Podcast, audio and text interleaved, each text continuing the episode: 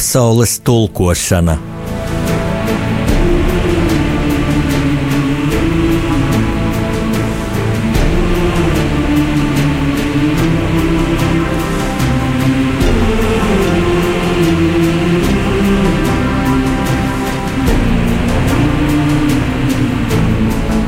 Studijā rakstnieks Jānis Udris.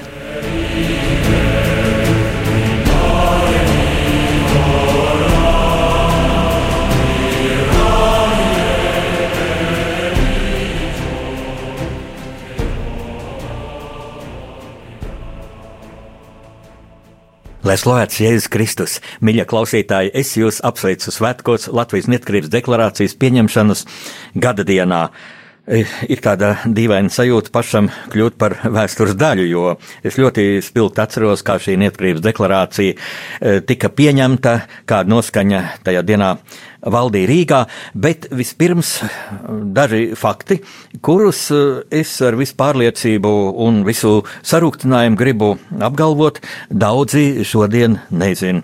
Gan tie cilvēki, kuri mm, dzīvo jau pēc šīs neatkarības deklarācijas pieņemšanas, jau neatkarīgā Latvijas valstī, gan arī tie, kas bija šo notikumu atsliecinieki, taču varbūt neatceras to notikumu secību, eh, pareizos formulējumus, taču Fakti ir ļoti svarīgi, īpaši pašlaik hibrīda kara apstākļos, kad arī ap šo 4. Eh, maiju, 4. maija deklarāciju tiek vērtas dažādas spekulācijas, dažādas falsifikācijas. Diemžēl arī šeit, eh, pat pie mums Latvijā, jo, mm, jāteic, ka atmodas laikā bija vairākas koncepcijas par Latvijas neatkarības atjaunošanu un Blakus tām bija mm, realitāte, un dzīve parādīja, ka tieši šis ceļš, par ko es dažus faktus minēšu, novērsa lielu asins izliešanu, kāda notika vairākās citās PSRS Um, tā sauktajās padomi republikās, tajā laikā, kad padomi savienība jau bija nonākusi līdz galīgai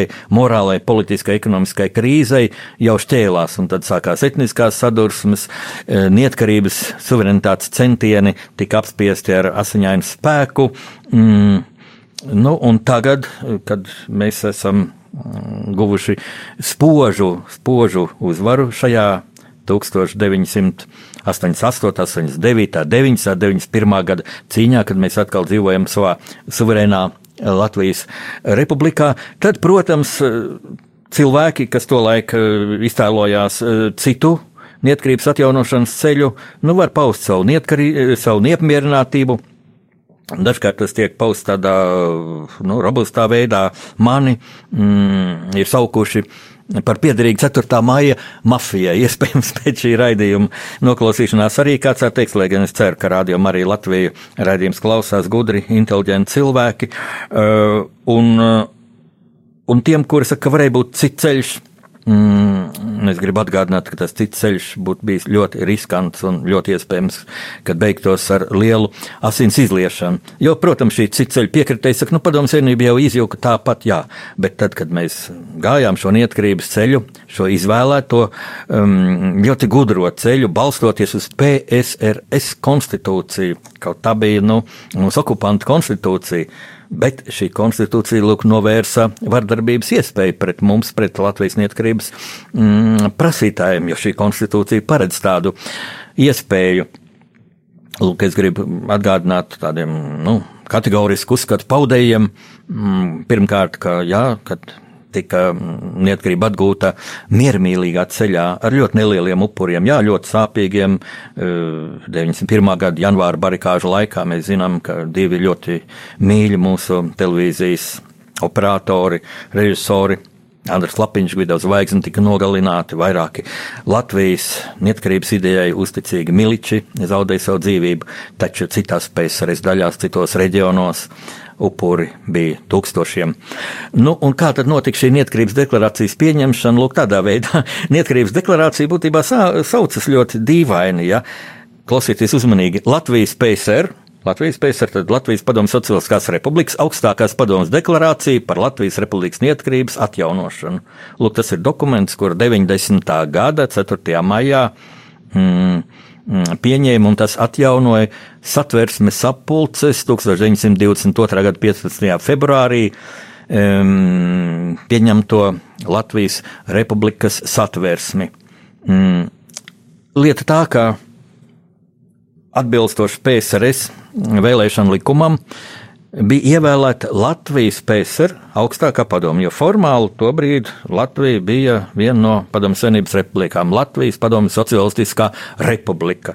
Nu, un it kā Latvija bija brīvprātīgi iestājusies padomju savienībā par to, kā šīs 1940. gada mm, jūlija vēlēšanas notika, par visām šīm falsifikācijām ir rakstīts, manuprāt, daudz par maz.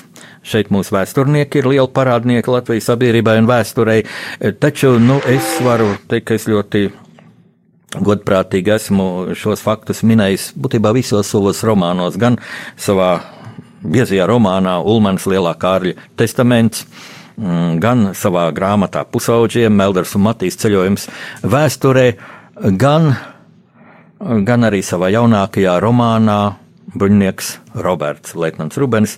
Bruņinieks Roberts, ceru, ka jūs tur esat izlasījuši, piemēram, tādu paradoksu, ka, ja vēlēšanas notika divas dienas, 1940. gada 14. un 15. jūlijā, tad PSRS ziņa aģentūra tas kļūdas pēc jau paziņoja mm, šo vēlēšanu rezultātu jau pēc pirmās dienas balsojuma, par to var katrs pārliecināties, atrodot biblioteka arhīvos avīzi London Times, kura 15. jūlijā tā arī rakstīja, ka Lukā, kā nu pat ziņoja PS, PSRS oficiālā ziņa aģentūra, tas 14. Um, jūlijā Latvijā notika vēlēšanas, kurās 97,6%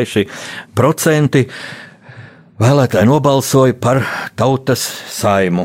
E, interesanti bija arī šī tā sauktās tautas saimas pirmā sēde, kas notika 21. jūlijā, un kurā tātad it kā, nu, šis it kā Latvijas republikas, vēl it kā suverēnas valsts parlaments gan pēc padomju tanku klātbūtnē, gan šīs vēlēšanas notika, gan šīs aimas sēde, mm, kā nobalsoja, it kā vienbalsīgi par iestāšanos PSRS.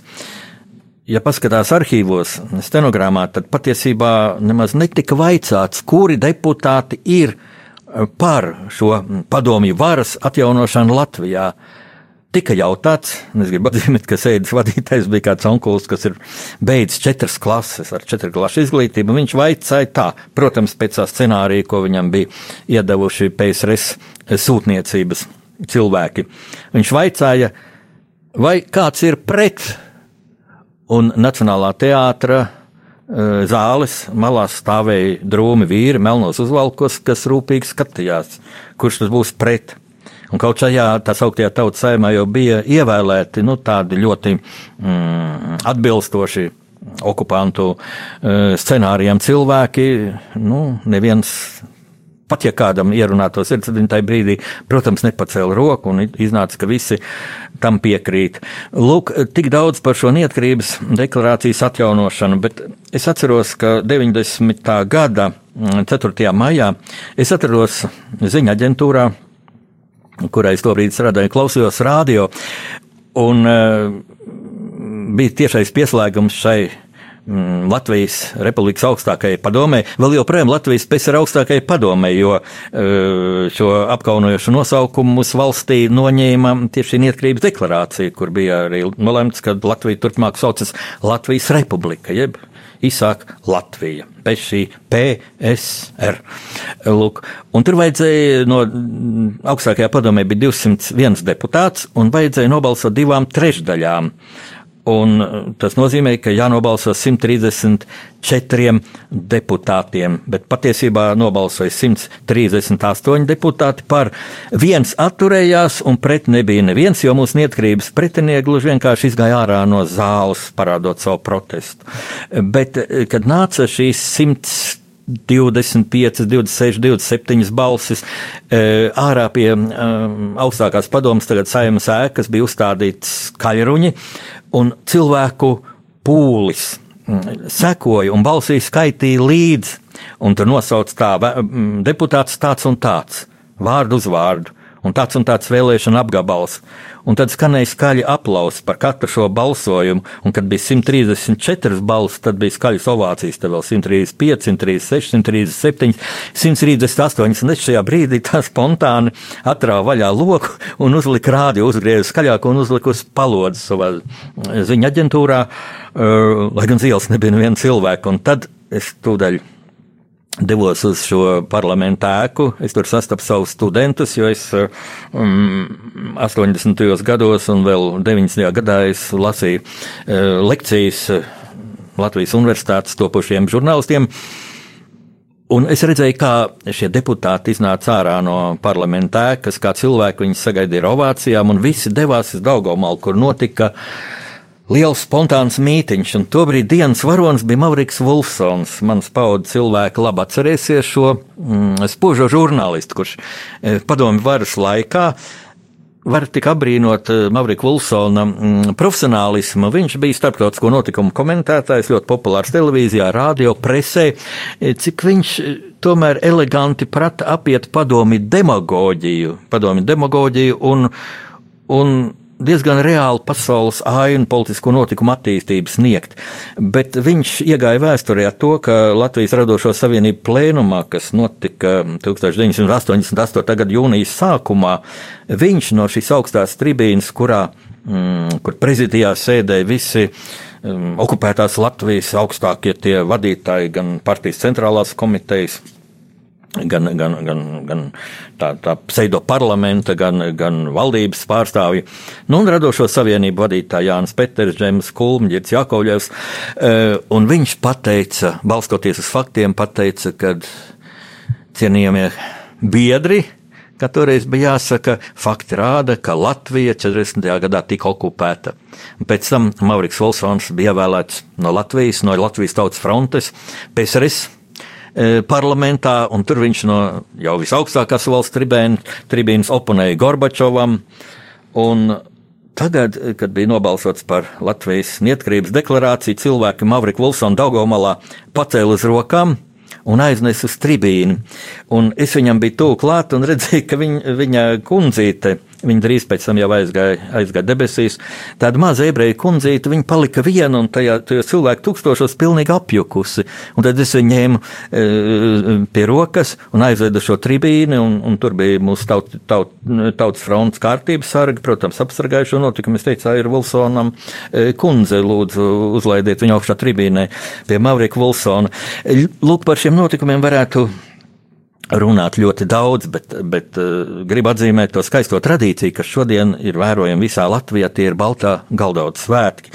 Kad šis 4. maijs tiek atzīmēts tādā ģimeniskā noskaņā, un man liekas, tas ir ļoti labs veids, kā apjaust mūsu valstiskumu, jo mūsu valsts taču sastāv no daudzām ģimenēm, čaklām.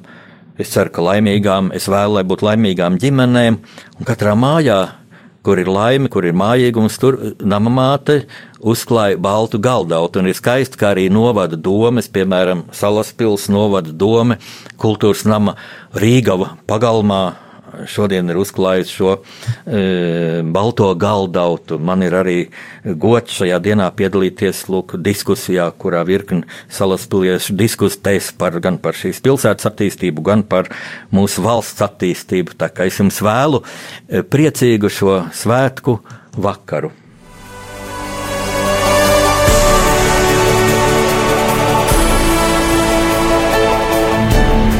Pasaules tulkošana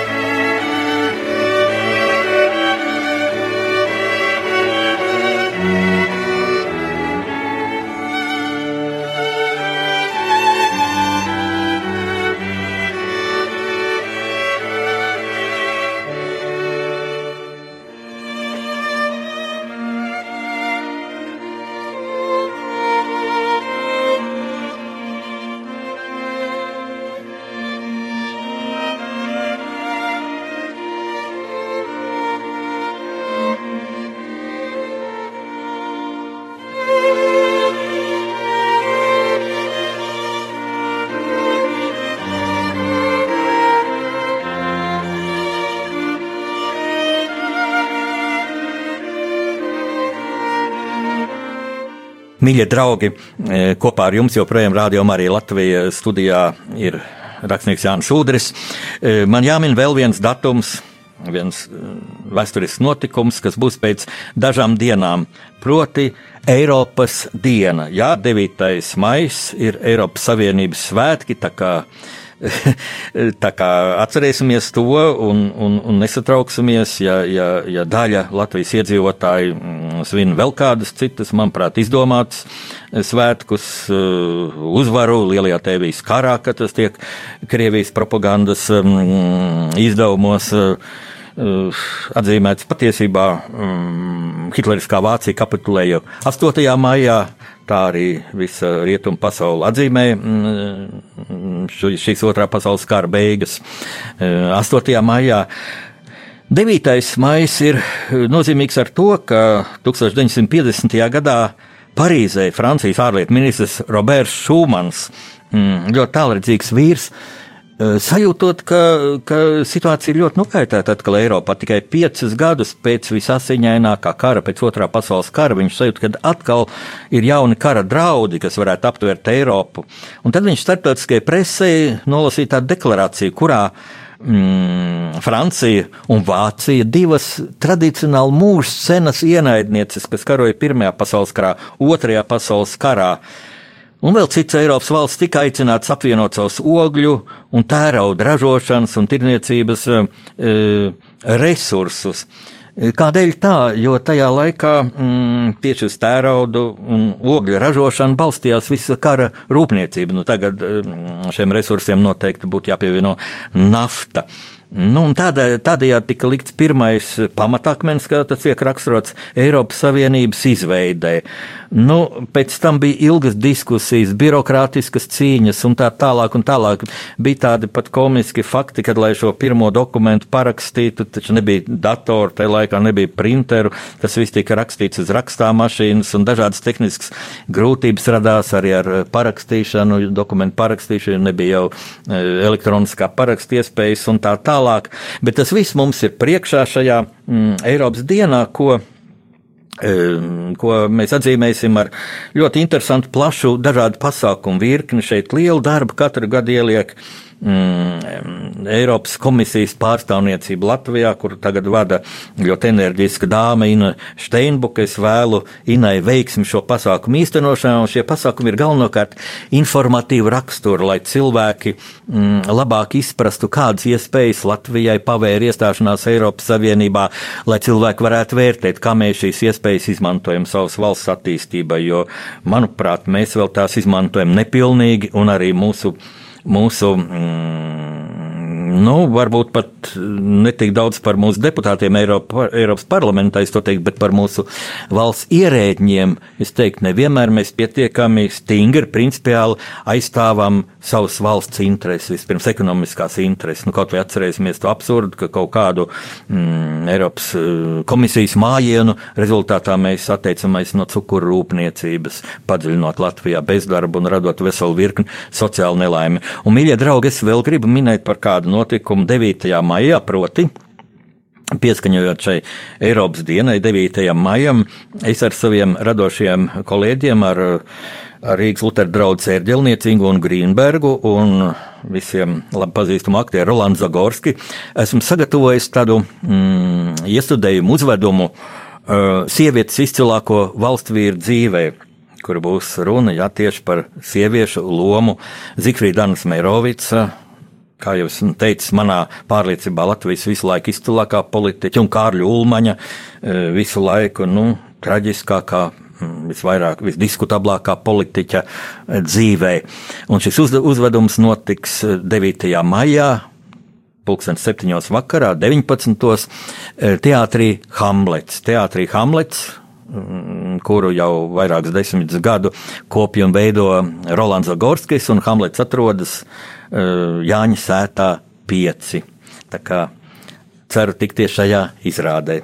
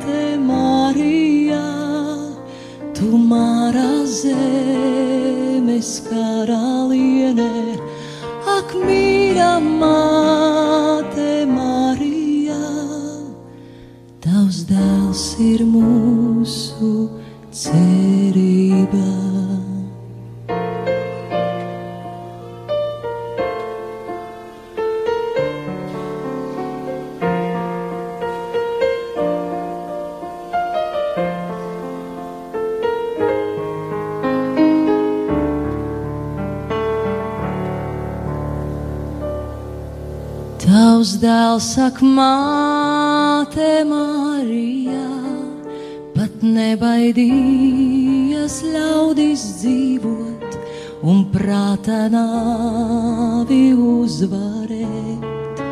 Ar mīlu vien, ar mīlu vien, viņš tevi uzklausīs, sak māt, un mūsu lūgšanās klatā.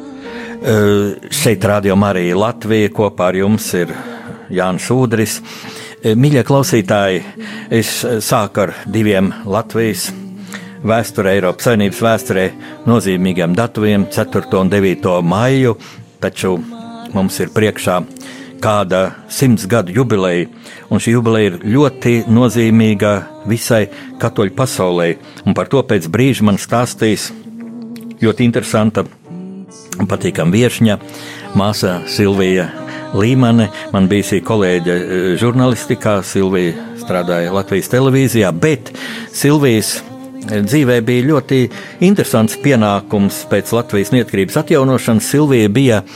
Silvija Līmane bija Latvijas vēstniecības pie Svētā krēsla attašējs. Un es domāju par šo notikumu pēc muzikāla ievada Silvija pastāstīs Radio Mariju Latviju klausītājiem.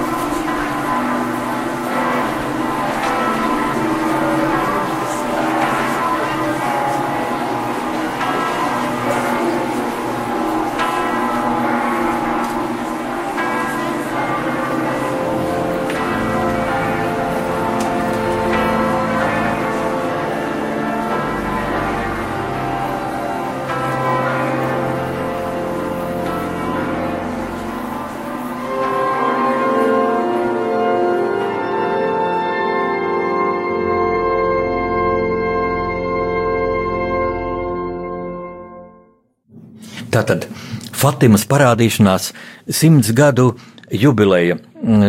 Daudzi radījumi arī Latvijas klausītāji jau zinās par Fatimu, par šo unikālo notikumu kristiešu pieredzē, taču mums piepildīsies arvien vairāk jaunu klausītāju, gan citu konfesiju pārstāvi līdzās katoļiem, gan arī cilvēki, kas līdz šim bijuši tālāk no baznīcas. Tāpēc es jautāšu Silviju pavisam vienkārši, kā Kā tu pat uzzināji par Fatimas fenomēnu? Taču maz, pavisam agrā bērnībā varbūt tu to arī nezināji. Um, es gribētu uzrunāt klausītājus Ave Marija. Šie vārdi skan uh, Fatimā simtiem un tūkstošiem reižu. Jā, protams, tie bija laiki, kad, uh, kad es bērnībā literatūru par Fatimas vēstījumu notikumiem Fatimā bija aizliegtā literatūra. Padomju Savienībā cilvēki par šīs literatūras um, izplatīšanu tika apsēdēt cietumos. Arī um, um, bīskaps uh, Jakūņins, kas bija uzrakstījis vēstuli māsai, Fatimai tika apcietināts un vairākus gadus pavadīja cietumā, ieslodzījumā. Um, un, uh, bet, zināmā mērā, es gribētu vispirms tā at, atgriezties secībā, kādi tie notikumi bija. Uh, 16. gadā trim maziem bērniņiem Portugālē - Fatimā, Jacinta, Francisko, Lucija, esot ganībās netālu no paša ciemata Fatima, viņa redzēja eņģeli trīs reizes. Un tā jau bija zināma bērnu tāda garīga sagatavošana daudz nopietnākiem notikumiem, uh, kurus mēs svinam šogad. Tas ir Fatimas Dilmātas simtgadi. Jo 1917. gada 13. maijā, kad bērni arī ganīja aitiņas, tāpēc tas bija viņa pienākums. Um, ap pusdienas laiku viņi ievēroja, ka tuvojas diezgan daudz mākoņu un laikam tuvojas negaiss, jādodas prom mājās. Pēkšņi tomēr viņi ieraudzīja baltu mākonīti, un pēc tam uz neliela koka, kā viņš sauc, akmen, akmens ozols, parādījās ārkārtīgi skaista um, sieviete, kundze, kā bērni to raksturoja. Un, uh, šo kundzi redzēja visi trīs bērni, Jacinta, Francisko un Lucija, bet Lucija bija vienīgā, kas ar šo kundzi sarunājās. Viņa jautāja, kas tu esi? Viņa teica, na, viņa nāk no debesīm un lūdz bērnus katra mēneša 13. datumā ierasties šai pašā vietā Bērni vienojās, pat, pat, vienojās par to, ka viņi klusēs un nevienam nestāstīs par šādu notikumu. Uh, bet, nu, Jasinta, kurai bija tikai septiņi gadi, viņa to neizturēja un tomēr mājās pastāstīja. Nu, bērni nāca uz um, Dilmāts parādīšanās vietu Kovadai ir Rija, kas mūsdienās ir Patims sanktuārija mm, uh, laukums, kas ir viens no lielākajiem laukumiem pasaulē mm, mm, ce, reliģiskām ceremonijām. Un 13. Eh, jūnijā atkal eh, cilvēki, kas bija uzdzirdējuši par eh, šīs kundzes parādīšanos, jau bija kādi 50. Un, bērni atkal sarunājās, respektīvi Lūcija atkal sarunājās ar Dievmāti un uh, viņi jautāja, uh, kas viņi tādi ir, bet Dievmāti joprojām uh, ne, nevēlējās atzīt, stāstīt par sevi, kas viņi tādi ir. Te, atkal teica, nāciet tikai šurp atkal nākošā mēneša 13. datumā. 13. jūlijā, kas ir varbūt viens no būtiskākajiem diamāts parādīšanās momentiem, Kovadairija laukumā bija jau apmēram 2000 cilvēku, kas gaidīja, skaitot rožu kroni, diamāts parādīšanos. Rožu kroni lūkšana ieteica diamāti jau 13. maijā.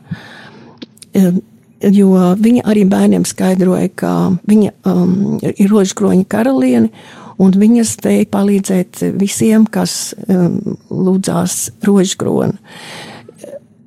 Tieši 13. jūlijā uh, Dievmāte izteica savu vēlēšanos veltīt Krieviju viņas bezvainīgai sirdī. Jo tad, ja Krievija atgriezīsies pie ticības, pasaules tautas un, un vispār pasauli tiks um, mm, glābta no posta, no kariem, jo atcerieties, ka tas bija 17. gads, pirmais pasaules karš. Viņa diamāta arī teica, ka karš drīz beigsies un um, cilvēki atgriezīsies mājās. Sevišķi jā, Portugālē tiešām bija tā, ka gandrīz visi karotāji atgriezās mājās. Un uh, tas bija pats um, lielākais un svarīgākais un būtiskākais um, veistījums. Uh, Portugālē arī valdīja komunistiski noskaņot uh, valdība, un, un, un cilvēki bija uh, attālinājušies no, no baznīcas, no, no dieva. Un tāpēc 19. Um, augustā bērni, kad bija sagatavojušies doties atkal uz diamāts parādīšanās vietu, viņi tika arestēti un aizvesti projām uz tuvāko, mm, tuvāko pilsētu, kur arī tika uh, pratināti un arī ieslodzīti cietumā šie mazie bērniņi, trīs bērniņi kopā ar, ar pieaugušiem noziedzniekiem bija ieslodzīti pagrabā. Uh, pēc pratināšanas un iebaidīšanas dažādos veidos eh, viņi tomēr turēja eh, šo nu, diev, noslēpumu, ko Dievmāte viņiem ir teikusi savās sirdīs.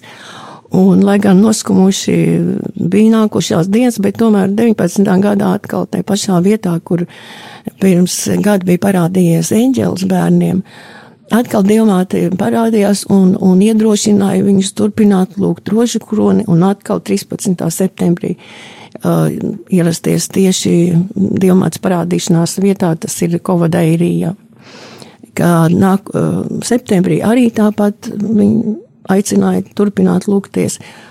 Un 13. oktobrī uh, par dievmātes parādīšanos uh, Fatimā bija jau uzzinājuši ļoti daudz cilvēku.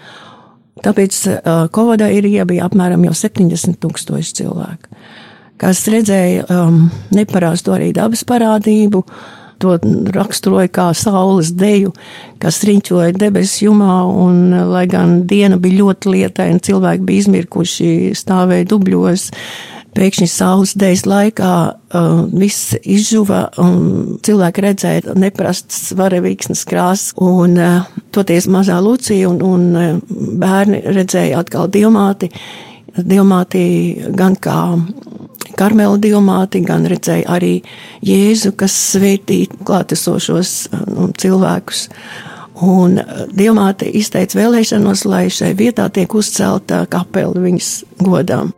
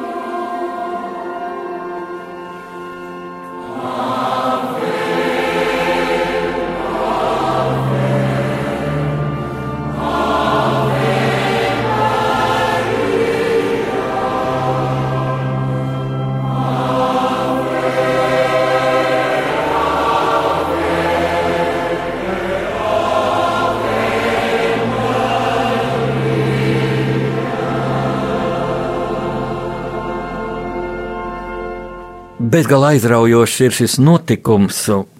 Es domāju, kāpēc Dievmāte parādījās tieši trim bērniem. Trim bērniem, laikam tāpēc, ka bērnam ir visnevainīgākā dvēsele. Un, un man ļoti interesē, atzīšos, nezinu, kāds bija tālāk šo bērnu liktenis. Mani dziļi uzrunāja un aizskāra tā cilvēka tumsonība un cietsirdība, e, kā izturējās pret šiem bērniem, ieslodzot cietumā, ja tie bija tādi komunistiski orientēti populisti tumsoņi, es teiktu, vai visu dzīvi tāda valdība Portugālē, taču nē. Jā, bērniem bija ļoti grūti pēc tam, kad Jacinta bija, jāsaka, izpļāpājusies, jā, pastāstījis māmai, jo, mm, tad eh, ar vien vairāk cilvēku uzzināja un, un, un bija dažādi ļoti atšķirīga attieksme pret bērniem. Bija arī pat vecāki, Lucijas vecāki ne, nevēlējās ticēt un uzskatīja, ka viņi melo, bet uh, Lūk, viņas pārliecība, un kā saka, viņa, jau Dievs, viņa, viņa kā savos, savās atmiņās māsa Lucija raksta, ja, viņa jutās pilnīgi kā dievā jau pirmajā tikšanās brīdī ar, ar dievmāti Kovadairija 13. maijā. Viņus apgaismoja, viņi, viņi atradās tādā gaismā, ka viņi paši bija gaisma un viņi jutās, ka viņi ir kā, it kā dievā. Uh, šāds stāstījums ļoti daudziem nepatika. Uh, bērni uh, ar, no kat, katra mēneša, teiksim, no katru 13. datumu ar vairāk bija gan zinkārīgo, gan tādi, kas kas noliedz to, ka viņi melo, ne jau par velti 19. tas ir augustā, viņi bija cietumā, ja, kad uh, valdība un valdošās aprindas bija pret, eh, pret ticību, pret, pret baznīcu. Bērni bija neatlaidīgi savā, savās lūkšanās, savā sevis veltīšanā, pasaules glābšanā, jā, pēc tam, un, un kā 13. jūlijā diamāt, kad pieminēja Krieviju, mazā Lucija, viņa domāja, ka tā ir sieviete ka jālūdzās par sievieti Krieviju. Viņi nezināja, ka tā ir valsts. Uh, 17. gadā mēs arī bijām Krievijā. Mēs bijām Krievijā, un, un tas pilnīgi attiecās arī uz mums, Latviju un visām Baltijas valstīm, kas tagad mēs esam neatkarīgas. Uh, mazie bērni, mazā žazinta ļoti cieta, daudz slimoja, un, un viņa aizgāja mūžībā ļoti agri. Žasintai bija um, divas operācijas, viņai pat uh, tika operētas ribas, izņemtas, un viņas visas tās ciešanas veltīja mm, par grēcinieku atgriešanos. Tāpat arī Francisks ļoti agri no mira aizgāja mūžībā, arī daudz slimoja, bet toties jau 2000. gadā Jānis Pāvils II viņus beatificēja. Un tagad ir ļoti liela svētki, tuvojas 13. maijā. Pāvests Francisks, būdams savas pastorālās vizītes laikā Fatimā, kanonizēs um, Jacintu un Francisko kā svētos. Bērniem būs um, brīnišķīgs paraugs, kā, kā uzticībā dievam, kā var lūgties par cilvēkiem, par grēciniekiem, kā var veltīt sevi mm, grēc, grēcinieku, lai grēcinieki atgrieztos pie ticības. Tā kā tas ir ļoti liels notikums visā katoļu baznīcā. Es klausījos no šo bērnu, šo izredzēto bērnu, dievu, dievmāts izredzēto bērnu, mm, pēc dramatiskās pieredzes, cik senas saknes ir šai eh, ticības un kristiešu vajāšanai. Man nāk prātā, ka es biju jauns žurnālists žurnālistiem padomju okupācijas laikā rīkoja dažādas seminārus. Viens bija par tā saukto mm, antireliģisko propagandu un zinību biedrības e, vadītājs pats runāja, ka vajag tur cīnīties pret reliģiju. Un es tādā jaunības maksimālismā, naivumā neteikšu. Es teicu, bet piedodiet, bet kāpēc jācīnās, ja reliģija lūk sludina darba tikumu un ģimenes tikumu un tā tālāk, un tev nebūs melot, un tas ir brīnišķīgi veidot tīru sabiedrību. Kas tad, e, jebkurai valstī, kas varētu būt pret? Un tad šis kungs, nu viņš nebija kungs, nezinu, kā viņu tādu saukt, e, viņš e, apmulsa, un tad viņš teica, nu kā, nu jums jāsaprot, tā ir vienīgā atļautā naidīgā ideoloģija. Un tagad es tā pēc daudziem gadiem atceros, cik zīmīgi tā atbild, tāda naidīga, tad viņi meklēja, pret ko vērsties ar naidu, ja? iepratim tam, ka reliģija, ticība, Dievs vēršas pie mums ar mīlestību, un acīm redzot stāst par šiem bērniem arī ir vērsts uz mīlestību, bet mm, tu minēji arī faktu par to, kā, mm, kā vēl kā tika par šo, šo altāri, ja? Kā tika padomu okupācijas laikā vajāta uh, Fatimas Diomāts piemiņa atgādinājums par viņu. Jā, tieši konkrēti runa ir par uh, Svētās Marijas Magdalēnas baznīcā esošo altāru Fatimas diamātas godam. Nožēlojos un neatceros mākslinieces vārdu, ja, kad tika uh, šis uh, altārs uzstādīts, Krievijas drošības orgāni, viņi ļoti labi pārzināja Fatimas vēstījuma nozīmi. Un tāpēc ieradās um, pie garīdznieka un pieprasīja šo, šo altāru noņemt, uh, piedraudot ar garīgā semināra uh, slēgšanu. Jūs varat iedomāties, cik tas ir liels spēks, ja, ja uh, ir Fatimas dievmātes godināšana notiek Marijas Magdalēnas baznīcā vai vispār pasaulē visur. Vēl mm, arī citās valstīs tāpat ir bijis mm, liels problēmas ar ar Fatimas eh, diamāts vēstījumu izplatīšanu, kā jau es minēju, gan literatūra tika konfiscēta, nu, cilvēki gan ar roku rakstīja, gan eh, mašīnu rakstā tajos laikos izplatīja. Teiks, paldies Dievam, ka Latvijā šis murgs ir beidzies un šo beigu sākumu Jā. tā juridiski Jā. iezīmēja 4. maijas neatkarības deklarācijas pieņemšanu, Jā. kaut līdz pilnai neatkarībai mm. vēl bija vairāk kā gads jāgaida, jācīnās, uz barikādēm jācīnās, bet jāteic paldies Dievam, ka notika Dieva griba un Dievmātes griba. Viena no pirmajām grāmatām, tā no, nopietnākām un plaš, plašām grāmatām par uh, Fatimas notikumiem ir Janīnas Bābaras gaisma no austrumiem. Šis, nos, viņi ir izvēlējās šo, šo nosaukumu, tāpēc, ka uh, Dievmāte tuvojās uh, parādīšanās vietai vienmēr no austrumiem. Un, un tāpēc arī grāmata saucās um, Gaisma no austrumiem. Paldies. Un arī ja, par to, ja, ja, um, ja Krievija atgriezīsies uh, pie ticības, tad arī visa pasaule tiks glābta un iestāsies ilgstošs miera periods.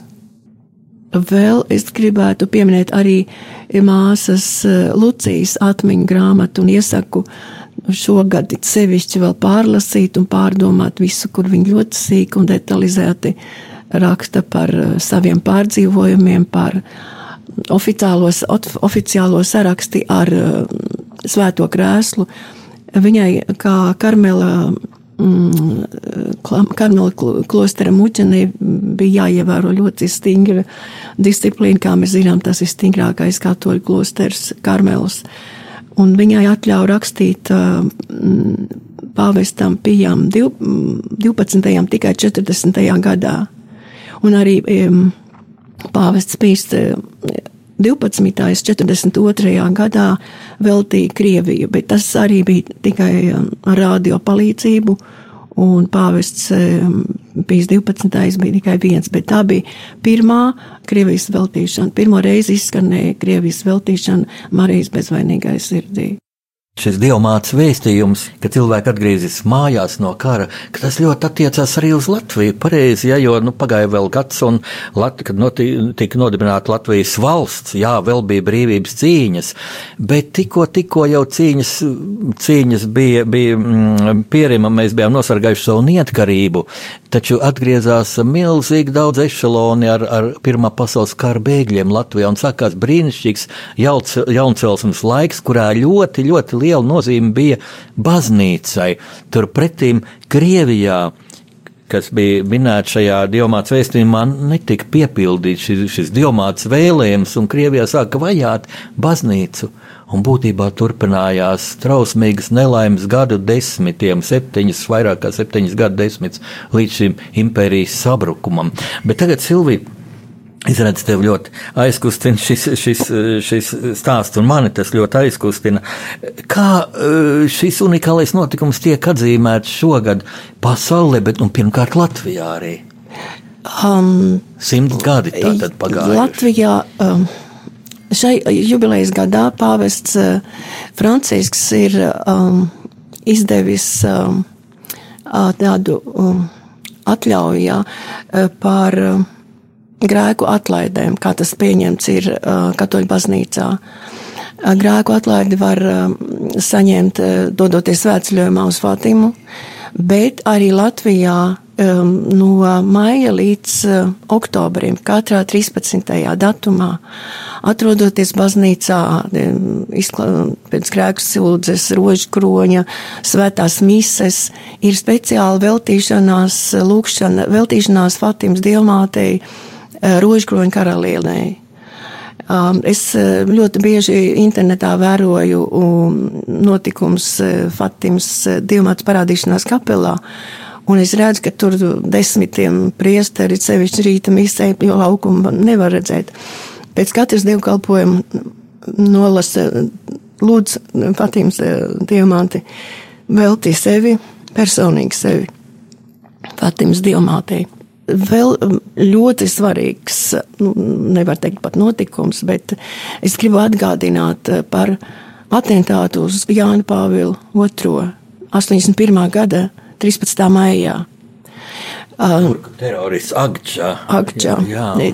Pāvis viņam pēc tam piedeva cietumā. Jā, jā bet abrīnojams cilvēks bija. Cilvēks. Tāpēc viņš ir svēts tagad. Viņš ir mūsu, mūsu svētais. Uh, 13. Um, maijā viņš uzskata, uzskatīja, ka tieši diamāts roka novirzīja lodi no viņa sirds, jo, un, un viņš palika, palika dzīves.